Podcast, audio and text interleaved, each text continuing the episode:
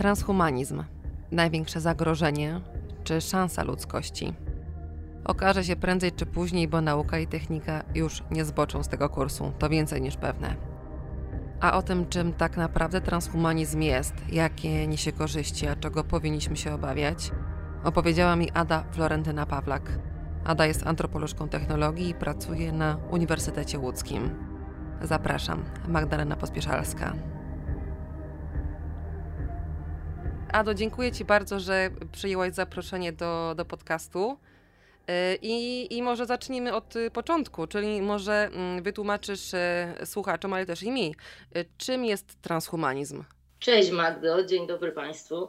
Transhumanizm od dzisiaj już czytamy jako ruch nie tylko filozoficzny czy okołofilozoficzny, czy taki, którego pierwiastki filozoficzne przenikają, ale już jako ruch kulturowy, możemy nawet powiedzieć pokulturowy, ale też polityczny, bo w Stanach Zjednoczonych działa paria transhumanistyczna i rzeczywiście tych stowarzyszeń około transhumanistycznych jest coraz więcej. Również e, w Polsce jestem członkiem założycielką Polskiego Stowarzyszenia Transhumanistycznego e, i staramy się tę mm, myśl transhumanistyczną przybliżać, ale przyglądając się tym strategiom transhumanistycznym również w takiej optyce, że stanowi ona zagrożenie, czyli nie jest to tylko i wyłącznie taki ruch afirmatywny. Transhumanizm, rozszyfrujmy pojęcie, pochodzi od słowa transhuman. Human, czyli człowiek, a trans, czyli przejściowy, przez, przechodnik, czyli człowiek przechodzący, możemy powiedzieć, przez wielką rewolucję i to jest rewolucja związana z rozwojem technologicznym. Czyli transhumanizm będzie tym ruchem, który dzięki technologii, dzięki osiągnięciom nauki chce człowieka wynieść na wyższy poziom świadomości, wyższy poziom cielesności, wyższy poziom kognitywny. No i właśnie te wszystkie dyskusje dotyczą tego, czym wyższy poziom jest, bo są ci, którzy zgadzają się, że po prostu progres jest y, ewolucją jako taką, czyli czymś waloryzowanym jako lepsze. No i są biokonserwatyści, którzy absolutnie z tą wizją się nie zgadzają. No i tak naprawdę ta debata cały czas nad transhumanizmem trwa i trwa też tutaj w wymiarze od kilku lat również w Polsce uniwersyteckim. Y, więc myślę, że bardzo ważne zagadnienie współczesności, a dla czytelników Stanisława Ledma, no to już szczególnie, ponieważ możemy powiedzieć, że no jest on prorokiem tego transhumanistycznego y, rzeczywiście przewrotu w kulturze. E, faktycznie e, w mm, tekstach Lema i, i w jego powieściach i w esejach łatwo do, e, odnaleźć ducha transhumanizmu, ale powiedz mi, czy to, co przed laty, kilkadziesiąt lat temu on właśnie przedstawiał, to faktycznie dzisiaj nazwalibyśmy filozofią transhumanistyczną? Myślę, że samo podejście do y, wpływu technologii na ludzką cielesność, ale również na ludzką kulturę i systemy metafizyczne, jak najbardziej. To, co różni Lema i y, transhumanizmów, transhumanistów, to podejście Lema znacznie bardziej y, pesymistyczne, możemy powiedzieć, że był takim ponurym prorokiem tego przewrotu. Natomiast w przypadku transhumanistów jest to hura optymizm. Oni z tego się cieszą. Lem nie kwestionował, że do tych zmian dojdzie. Wyróżniał kilka scenariuszy autoewolucji. To jest pojęcie, które wprowadził sam Lem, autoewolucja, którym chętnie transhumaniści dzisiaj się posługują. No i te scenariusze y, były bardzo podobne do tego, o czym dzisiaj mówią o tego ruchu, czyli że nauczymy się doskonale wykorzystywać fundamentalne prawa przyrody i je modyfikować i w konsekwencji tego procesu no, człowiek zostanie takim ostatnim reliktem natury. Natomiast drugi proces, y, drugi etap tego scenariusza to przetwarzanie samego człowieka, więc Lem mówił dokładnie y, to, o czym mówią transhumaniści, no tylko jego y, podejście do tego, mm, tak jak mówię, nie było wcale wesoło. On uważał, że kultura ludzka jest ściśle związana z naszą cielesnością, również w tym jej wymiarze, który jest podatny na zranienie z tą słabością. Dzięki temu no, doświadczamy dzieł literackich, muzycznych. One brały się właśnie również z doświadczania kruchości istnienia we wszechświecie. No, transhumaniści y, uważają tą kruchość jako coś absolutnie zbytecznego i są optymistami co do tego, że nowe formy kultury się y, narodzą. Więc myślę, że tu są y, no, takie rzeczywiście zależności. Właśnie mi się przypomniał taki cytat z Lema, że każdy z nas się martwi tym, że kiedyś go nie będzie, a nikt się nie przejmuje tym, że kiedyś go nie było. Tak? Myślę, że to bardzo dobrze obrazuje no właśnie podejście Lema w ogóle do człowieka i do ludzkości. Myślę, że tak, bo na tę autoewolucję możemy właśnie spojrzeć jako na część większego zjawiska samokształtowania się człowieka, również tego, o którym mówisz, wychylonego w przeszłość, czyli tego, że kiedyś Homo sapiens faktycznie y, nie było, a te doskonalenia techniczne są w efekcie starsze y, od naszego y, gatunku. Zanim powstały narzędzia z kamienia, no, samo Homo sapiens musiał wynaleźć inne narzędzia. One były ściśle związane z kształtowaniem naszej cielesności. Na przykład nauczyliśmy się korzystać z aparatu mowy, prawda? Wcześniej musiano używać innych środków ekspresji. Nową technologią jest jak najbardziej stworzenie języka. No, pisał o tym doskonały y, y, znawca no właśnie takiej antropologicznej przygody człowieka w tym świecie technicznym, Louis Mumford w książce Mit Maszyny. No i właśnie on mówił dokładnie to, o czym w tym cytacie powiedział Lem, prawda, że że no, samo kształtowanie się jest starsze jeszcze niż nasz gatunek. Tak? Pierwsze systemy symboliczne człowieka rzeczywiście y, no, już doprowadzają do jego zmiany. Więc faktycznie tym mniej martwią się y, no, dzisiejsi biokonserwatyści, że właściwie ta natura ludzka jest trudna do zdefiniowania, bo kiedyś nas w formie, w jakim doświadczamy życia, świata teraz, właśnie nie było. No właśnie. i, I na ten temat można by bardzo długo i, i bardzo ciekawie rozmawiać, bo to jest y, przyszłość, tak? To nie jest y, już mrzonka z książek i z filmów, e, tylko to jest coś, co faktycznie się dzieje, prawda? Tak, rzeczywiście dzieje się to i yy, tak mówimy, jest to dyskutowane nie tylko w laboratoriach, nie tylko, no właśnie, yy, w sztuce i w kulturze, czy yy, w sztuce elektronicznej, w takim paradygmacie, który nazywamy art and science, który stosuje yy, bioinżynierię, który zajmuje się sztuką robotyczną, cybernetyczną, ale właśnie jest to już rozważane w tym świecie humanistycznym na poziomie yy, uniwersyteckim. Yy, w Oksfordzie powstał Instytut Rozwoju Przyszłości, Instytut Człowieka przyszłości, e, nazywany Instytutem Przyszłości Ludzkości, którego dyrektorem jest profesor Nick Bostrom, transhumanista, jeden z sygnatariuszy deklaracji transhumanistycznej. W Oksfordzie również e, tak zwanymi ulepszeniami moralnymi, o których pisał również e, Stanisław Lem, o, o, o których myślał, biorąc udział w debatach na, już w latach 70., na przykład w Kościele Dominikanów, czyli takich problemów związanych właśnie z naszą duchowością, z psychologią naszą, z metafizyką człowieka, która no, tutaj tutaj dla darwinisty Lema, Lema oczywiście ona była e, bardziej związana z naszą psychologią, potrzebą zawiązywania y, wspólnoty i w ogóle kooperacji. Y, ale tak, to się wszystko dzieje i właśnie tam na Oksfordzie, w dużym stopniu Oksfordczycy są tutaj takimi no, awangardą transhumanizmu. Zresztą samo słowo transhumanizm również narodziło się nigdzie indziej, tylko w Oksfordzie. Wymyślił je brat twórcy znanej Państwu dystopii e, Nowy Wspaniały Świat, e, Julian e, Huxley, biolog ewolucyjny, pierwszy dyrektor generalny UNESCO, stworzył słowo transhumanizm właśnie na Oksfordzie. I dzisiaj na Oksfordzie, zresztą my podczas zajęć na przykład na Uniwersytecie Warszawskim Bartes Liberales zajmowaliśmy się tą stroną od strony mm, moralnych ulepszeń człowieka, filozofią, czytając teksty między innymi Oksfordczyków, na przykład profesora Juliana Sawulesku, który to, o czym pisał Lem w swoich książkach, rzeczywiście dzisiaj um, analizuje zupełnie prawda, na poważnie podczas swoich um, seminariów. Także tak, to dzieje się już dzisiaj zarówno na poziomie aplikacji technologicznych, naszych możliwości, ale również naszych dywagacji, czy naszych wyobrażeń, czy powinniśmy w tą stronę transhumanizmu zmierzać. Ile my mamy tak naprawdę do powiedzenia w tej kwestii y, i, i mm, gdzie tu jest właśnie wolność jednostki, bo y, wydaje się, że to jest kierunek, w którym zmierza ludzkość. Na którym planie jest po prostu wolność, jeśli chodzi o transhumanizm? Czy, czy jest gdzieś między tymi kolejnymi y, celami do zdobycia, czy ona jest, jak to mówią właśnie przeciwnicy transhumanistów, w ogóle odrzucana?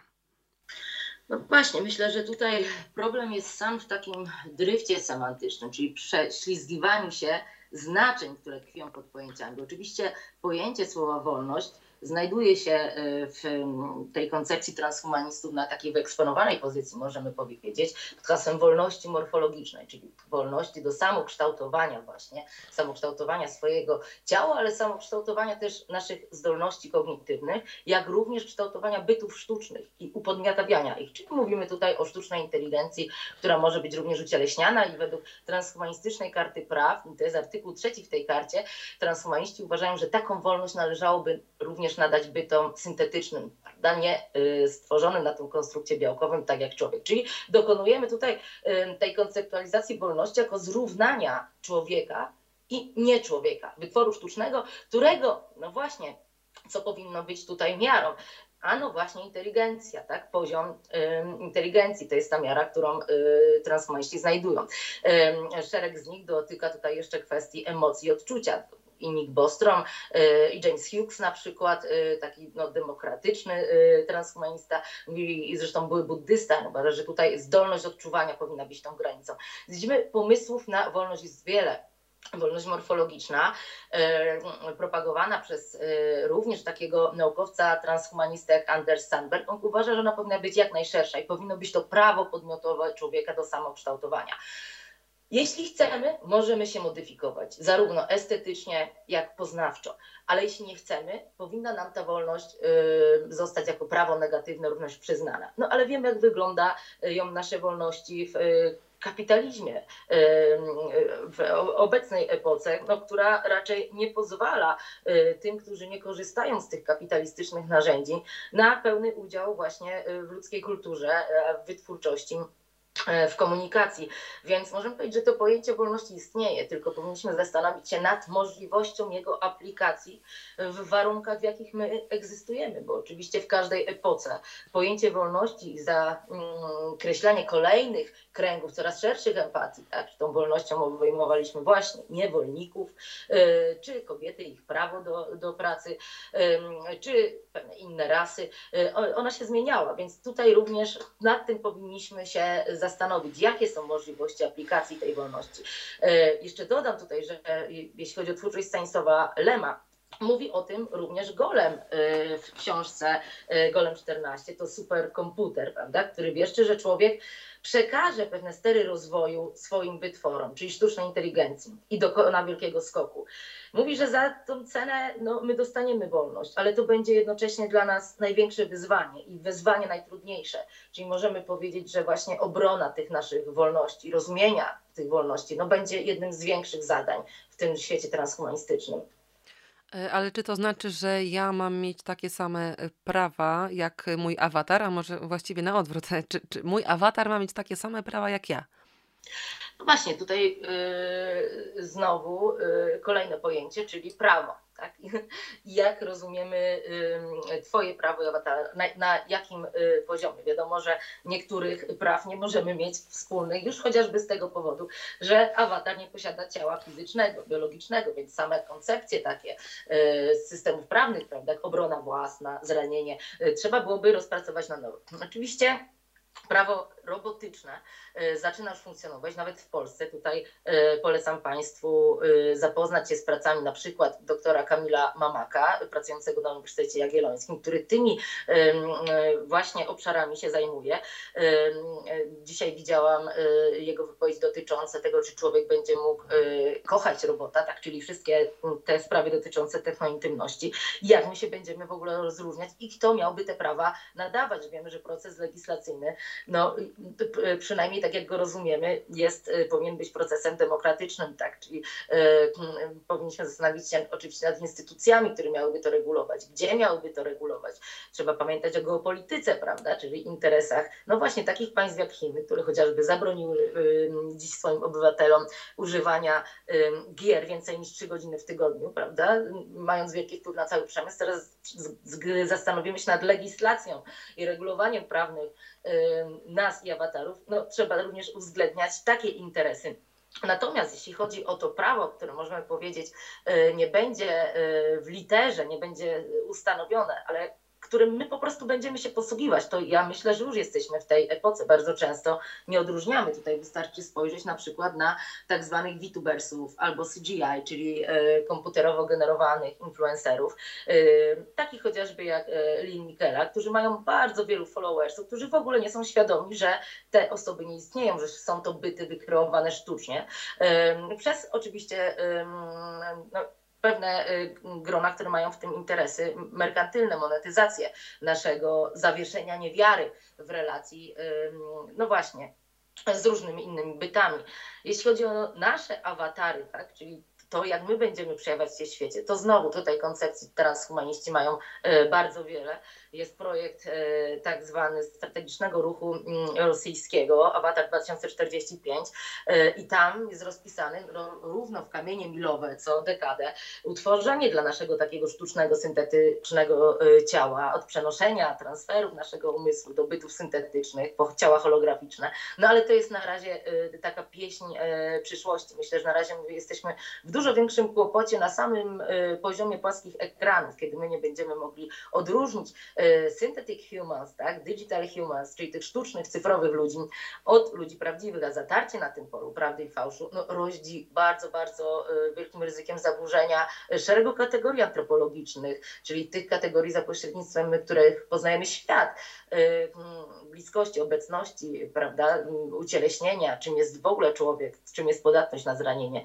Więc tutaj upatruję na razie największych y, ryzyk. Y, I właśnie tych postulatów dotyczących prawa, to przywołam chociaż taki jeden, to biegu Walsha, on to nazwał prawem czerwonej flagi Turinga, mówiąc, że byty syntetyczne, sztuczne powinny być znakowane, my powinniśmy odróżniać. Y, I chociaż to by Walsh formułował to prawo w odniesieniu do androidów, czyli ucieleśnionej sztucznej inteligencji, ja bym to prawo rozszerzyła właśnie na byty cyfrowe, na te symulakry, z którymi my spotykamy się na płaskich ekranach i pod tym względem myślę, że debata publiczna jest niezwykle istotna, zwłaszcza w kontekście edukacji młodych ludzi. E, a czy mm, mm, dobra jest taka moja intuicja, że tak naprawdę każdy z nas mógłby dzisiaj stać się takim e, e, digital human, ponieważ jesteśmy e, otoczeni, sami się otaczamy, mając telefony, laptopy z kamerkami i tak dalej, które non-stop nas nagrywają, podsłuchują, że tak na dobrą sprawę każdy z nas mógłby mieć dzisiaj w sieci swojego awatara? Oczywiście, że tak, jest to możliwe już teraz i myślę, że właśnie jesteśmy takimi bytami potencjalnymi, jeśli chodzi o mm, zebrane y, dane na nasz temat, a technologia umożliwiłaby rzeczywiście każdego z nas w tym momencie, y, bo wiemy, że zarówno próbka głosu, wystarczy minutę teraz naszej rozmowy, która pojawi się w sieci, y, jak kilka zdjęć, a czasem nawet jedno zdjęcie, do tego, aby w sposób cyfrowy ucieleśnić danego człowieka na obraz i podobieństwo, tak, że będzie nieodróżnialny. Więc możemy powiedzieć, że teraz miliony e, ludzi są potencjalnie składowani i powiedzmy, kiedy e, krajobraz e, jakiś kulturowy, polityczny, ekonomiczny, prawda, dojście kogoś na jakąś istotną pozycję, być może te byty potencjalne będzie wyciągać z tego archiwum, kreować, tworzyć deepfake'i. Jest to ogromne ryzyko manipulacji, ale również emocjonalnej, bo możemy sobie wyobrazić również takie scenariusze, które nieraz pojawiały się na kartach e, powieści science fiction, e, jak tworzenie Digital Immortals, czyli nawet po naszej śmierci, e, awatara, który w sieci będzie nadal młody, nie będzie się starzał, będzie nabywał nową wiedzę y, i zupełnie być może inaczej relacje rodzinne będą y, wyglądały, bo nawet po naszej śmierci taki y, no, cyfrowo ucieleśniony przodek będzie mógł służyć albo radą, albo odwrotnie, będzie nasza emocjonalność eksploatowana po to, żeby zachować cyfrowe dziedzictwo, bo być może, no właśnie, dzięki temu uzyskujemy status społeczny czy inny szereg rzeczy. Tutaj scenariuszy dla wyobraźni jest bardzo dużo. Myślę, że dlatego też transhumanizm jest niezwykle fascynujący. Materiałów do, do tej ewolucji chyba dajemy my, my sami. Klikając, akceptuję na praktycznie każdy regulamin y, w, w aplikacjach, w, w, programach różnych komputerowych, bo nikt tego nie czyta, a tak naprawdę wydaje się, że no, jedyne, czego oni nie pozyskują, to, to, to naszej e, krwi, bo, bo, bo wszystko inne to, to tak naprawdę o nas wiedzą y, i nas już bardzo dobrze znają, prawda? Tak, masz rację oczywiście, chociaż tych powodów, dla których my oddajemy dane jest znacznie więcej, a to, że mówisz, że nie mają naszej krwi, no właśnie tą granicę też już przekraczamy, bo jest też taki transhumanistyczny projekt, który nazywa się LifeNow, mm, prowadzony przez grupę Terasem Group, ona jest związana z United Therapeutics, jest ogromna y, korporacja zajmująca się y, no właśnie przyszłością medycyny, której CEO jest Martin Rothblatt, e, autorka transhumanistyczna, no i oni w tym swoim projekcie zbierają również próbki e, no, ludzkiej wydzieliny genetycznej, przesyłają taki patyczek, my go wkładamy pod język, możemy go odesłać, cedujemy właśnie cały ślad cyfrowy, czyli wszystkie dane zostawiane przez nas w internecie na, na tą firmę. Ona obiecuje nam w zamian stworzenie cyfrowego klona w przyszłości, kiedy już e, te mm, powiedzmy narzędzia transhumanistyczne będą mogły być szeroko aplikowalne, również naszą e, kopię biologiczną, oczywiście ulepszoną, żeby nie dotknęła nas e, żadna choroba, więc takie pomysły również są. Ale jakie są jeszcze przyczyny, dla których to, co mówisz, my cydujemy te dane? Z jednej strony jasne, to jest brak czasu na zapoznanie się z każdą polityką prywatności, więc jesteśmy w jakiś sposób uwikłani tak, w tą kulturę algorytmiczną i żeby w ogóle funkcjonować, niestety poddajemy się temu y, ujarzmieniu. Z jednej strony poddajemy się ujarzmieniu cyfrowemu, ale z drugiej strony temu narcyzmowi cyfrowemu, bo on pozwala nam również skutecznie funkcjonować w sieci. I też nie powiem, że ja jestem od tego wolna, tak? bo działalność popularyzatorska, jaką prowadzę, również wymaga od tego, żebym mm, właśnie tej sieci oddawała zarówno swój wizerunek, jak próbę głosową. Więc tak naprawdę możemy powiedzieć, że my tutaj dyskutujemy o pewnych bardzo ważnych sprawach, ale niestety na Agorze gdzie y, powiedzmy karty i gra zostały już z góry y, rozdane i rozegrane, więc to jest również ogromny problem kapitalizmu nadzoru, który niewątpliwie z tematyką transhumanizmu ściśle się łączy. Y, chciałabym jeszcze wrócić do, do tego, co mówią y, krytycy y, transhumanizmu. Czytałam taką rozmowę na stronach klubu Jagiellońskiego. To była rozmowa mm, z dr Martą Soniewicką. Autor mm, zadał takie, może nie pytanie, ale stwierdzenie po prostu, że w antropologii transhumanistów nie ma miejsca na ludzką wolność i godność, a wolna wola to jedynie złudzenie, wymysł filozofów. Czy, czy tak faktycznie jest? Czy Y, czy, to troszeczkę już za daleko zaszły te mm, wyobrażenia na temat transhumanizmu biokonserwatystów? Myślę, że w tym obszarze naszym największym problemem i paradoksalnie jest właśnie bardzo przyspieszony rozwój nauki y, z tego obszaru mm, genetyka, robotyka, ale również neurobiologia. Bo kiedy neurobiologia bada wolną wolę człowieka, to rzeczywiście my dostajemy szereg niepokojących e, informacji, że te decyzje, e, które my podejmujemy w świecie, prawda, nasz system poznawczy jest również zdeterminowany e, wcześniejszymi naszymi zachowaniami w sieci. Piszą o tym również psycholodzy poznawczy, na przykład profesor Liza Feldman-Barrett, która zajmuje się emocjami, tym właśnie jak działamy w świecie już na podstawie tych wcześniejszych naszych przekonań co do świata. Więc mm, te dane, które płyną sygnałów, one w jakiś sposób, no niestety, kolidują z tym, co ugruntowane jest w kulturze, no chociażby właśnie wspominanym przez Ciebie systemami prawnymi, w których musimy się umówić co do tego, że człowiek ma wolną wolę, bo inaczej y, przecież system kar y, cały no, nie miałby no, żadnego fundamentu.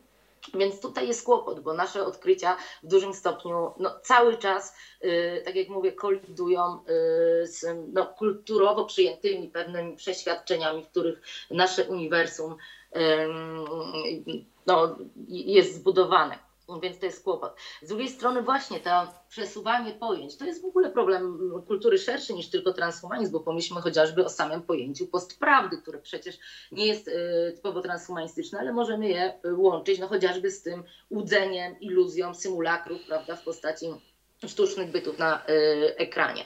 Czym jest postprawda? Tak możemy powiedzieć, że jest po prostu kłamstwem, które społeczeństwo y, zaczyna przyjmować bez emocji, a z drugiej strony nawet ze sporą ochotą, y, czyli utworzenie tych dla niektórych użytecznych fikcji, a dla niektórych bardzo nieużytecznych i takich, które będą skutkować naprawdę pewnie wieloma problemami społecznymi, ale krótko, y, w krótkim terminie, no służą rozrywce na przykład. Y, muszę powiedzieć, to jest też y, bardzo, no właśnie, problem z samym pojęciem, tak, tego co rozumiemy chociażby pod pojęciem przyjaciel w mediach społecznościowych, kiedy mamy, no tak na przykład jak ja, ponad 1300 znajomych na tym profilu, co to znaczy przyjaciel, my jednak wyrastamy młode pokolenie, które używa tych mediów, posługuje się znowu terminem, którego znaczenie jest zupełnie inne niż pokolenie yy, wyższe znaczenie temu pojęciu nadawało.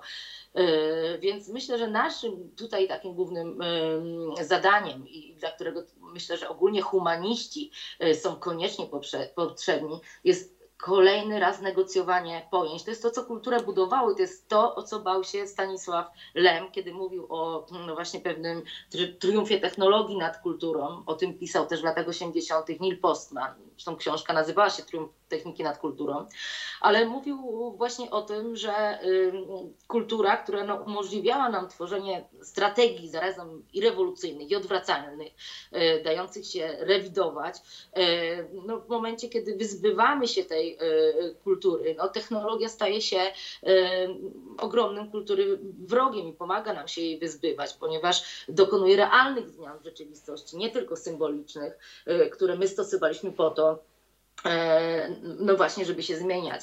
E, no, Lem uważał, że no, zgodnie ze swoim darwinistycznym oczywiście podejściem, że e, kultura jest kolejnym narzędziem dostosowywania się naszego w, mm, w, świecie, więc w tym momencie być może przejęła to technologia i z wieloma rzeczami będziemy musieli się po prostu pożegnać. No, więc wracając do swojego pytania, właśnie problemem jest to, kto z jakimi wartościami, z jaką wizją przyszłości, tak, jaką ma tą antropologię człowieka, będzie dane pojęcia definiował, bo zarówno pod pojęcie wolność, jak wolna wola, yy, mamy w tym momencie tyle przykładów z historycznego rozumienia, kulturowego, jak i z doświadczeń współczesnej nauki, które można yy, w dyskursie rozmaicie rozumieć.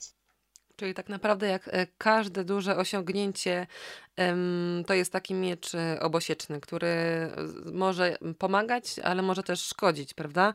A twoim zdaniem co jest największą zmorą transhumanizmu?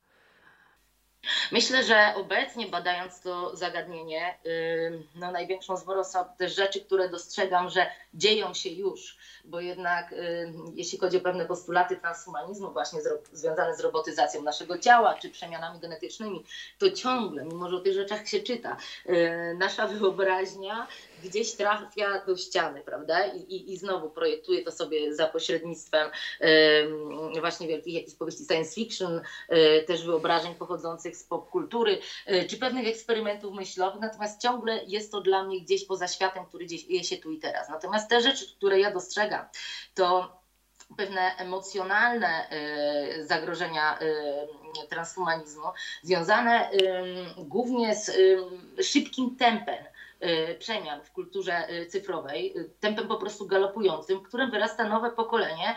I dla antropologa jest to bardzo ważne, bo widzę tutaj wielką przepaść międzypokoleniową, jeśli chodzi o rozumienie, percypowanie technologii, zdawanie się na technologię, czyli takie zawierzenie technologii myślę, że tutaj to, o co bał się e, właśnie Lem, e, a czego nie boją się transhumaniści, to widzę takie radykalne przeprojektowanie e, człowieka w tym jego obszarze mm, duchowym, psychologicznym, w podejściu do wspólnoty, w podejściu do odpowiedzialności do pewnych kategorii kultury, które jednak pozwalały nam tą kulturę rozwijać, ale kulturę rozumianą bardzo szeroko, nie tylko jako wytwórczość dzieł sztuki, ale również jako ekonomię, e, jako no, dobre życie e, w społeczeństwie. Więc te zmiany psychiczne o takim e, dużym zasięgu bardzo widzę wśród, wśród młodzieży. Tak? Więc myślę, że to wyzbywanie się emocji, które jednak są spoiwem kultury, e, ciągle potwierdza to, co mówiłam, że technologia jest to wielkim zagrożeniem. To będą relacje na przykład z takim chatbotem jak replika, który będzie symulował przyjaciela i od którego my dostaniemy te, no w cudzysłowie, głaski, których ewolucyjnie potrzebujemy, bo nasze ciało, e, mimo obudowania setkami gadżetów, mimo ściągania kolejnych aplikacji, ciągle potrzebuje tych rzeczy, o których mówił Abraham Maslow, budując swoją piramidę, czyli jej, jej fundamentu, poczucia bezpieczeństwa na tym poziomie fizycznym, między innymi dotyk, który z kultury jest wypierany, prawda, cała haptyczność pewnego rodzaju serdeczność, ale czas na namysł, czyli to, co dzisiaj nazywamy can, cancel culture, tak? czyli pewne emocje, które wybuchają. My właściwie e, cofamy się w tym, co propagowało świecenie, czyli pewnego rodzaju takim racjonalnym podchodzeniu do spraw, stosowaniu argumentów. Nie, zaczynamy ulegać emocjom i coraz te nowsze łatki, które my y, przypinamy na nowe określenia w kulturze, właśnie jak postprawda, cancel culture, one tylko dowodzą tego, że my stajemy się coraz bardziej impulsywni, mamy coraz mniejszą y, odporność odporność, nie stosujemy debaty, więc myślę, że tutaj takie, tak jak w biologii syntetycznej, tak tutaj myślę, że w psychologii, w antropologii bardzo nam jest potrzebne stworzenie takich barier immunologicznych, po prostu barier ochronnych przed technologią na poziomie naszej psychologii naszego ducha, tego poczucia, że jesteśmy no, jakimiś no, członkami jednego świata, bo myślę, że to bardzo łatwo się rozsypuje, kiedy właśnie mm, te partykularne kultury y, zostają osłabiane przez y, technokulturę. Ale do tego nas programują wielkie koncerny, bo ty mówisz, że brakuje tego czasu do namysłu. Tylko mm, jeśli ja zamawiam e, rano jakiś produkt i po południu mam go dostać, albo jeszcze nie zdążę tak naprawdę dobrze przeczytać e, posta jednego w, czy na Facebooku, na Instagramie, gdziekolwiek, a już mi się proponuje kolejny. Jakby mm, ci, którzy dysponują największymi pieniędzmi, tak naprawdę też starają się o to, żebyśmy nie mieli e, czasu na, na myślenie. Myślę, że tak i e, tu masz całkowitą rację i dlatego tak sądzę, że to, co jesteśmy w stanie zrobić, to spojrzeć na narzędzia, które mamy my które mogą nam pomóc w byciu odpornym, bo nie ma co się łudzić. Tak jak mówisz, żyjemy w kapitalizmie nadzoru, który no właśnie z naszej uwagi czerpie tak naprawdę całą swoją y, moc, monetyzuje naszą uwagę, więc będzie o uwagę odbiorców cały czas walczył. Y, jakie możemy mieć tutaj rekomendacje do działania y, w realu?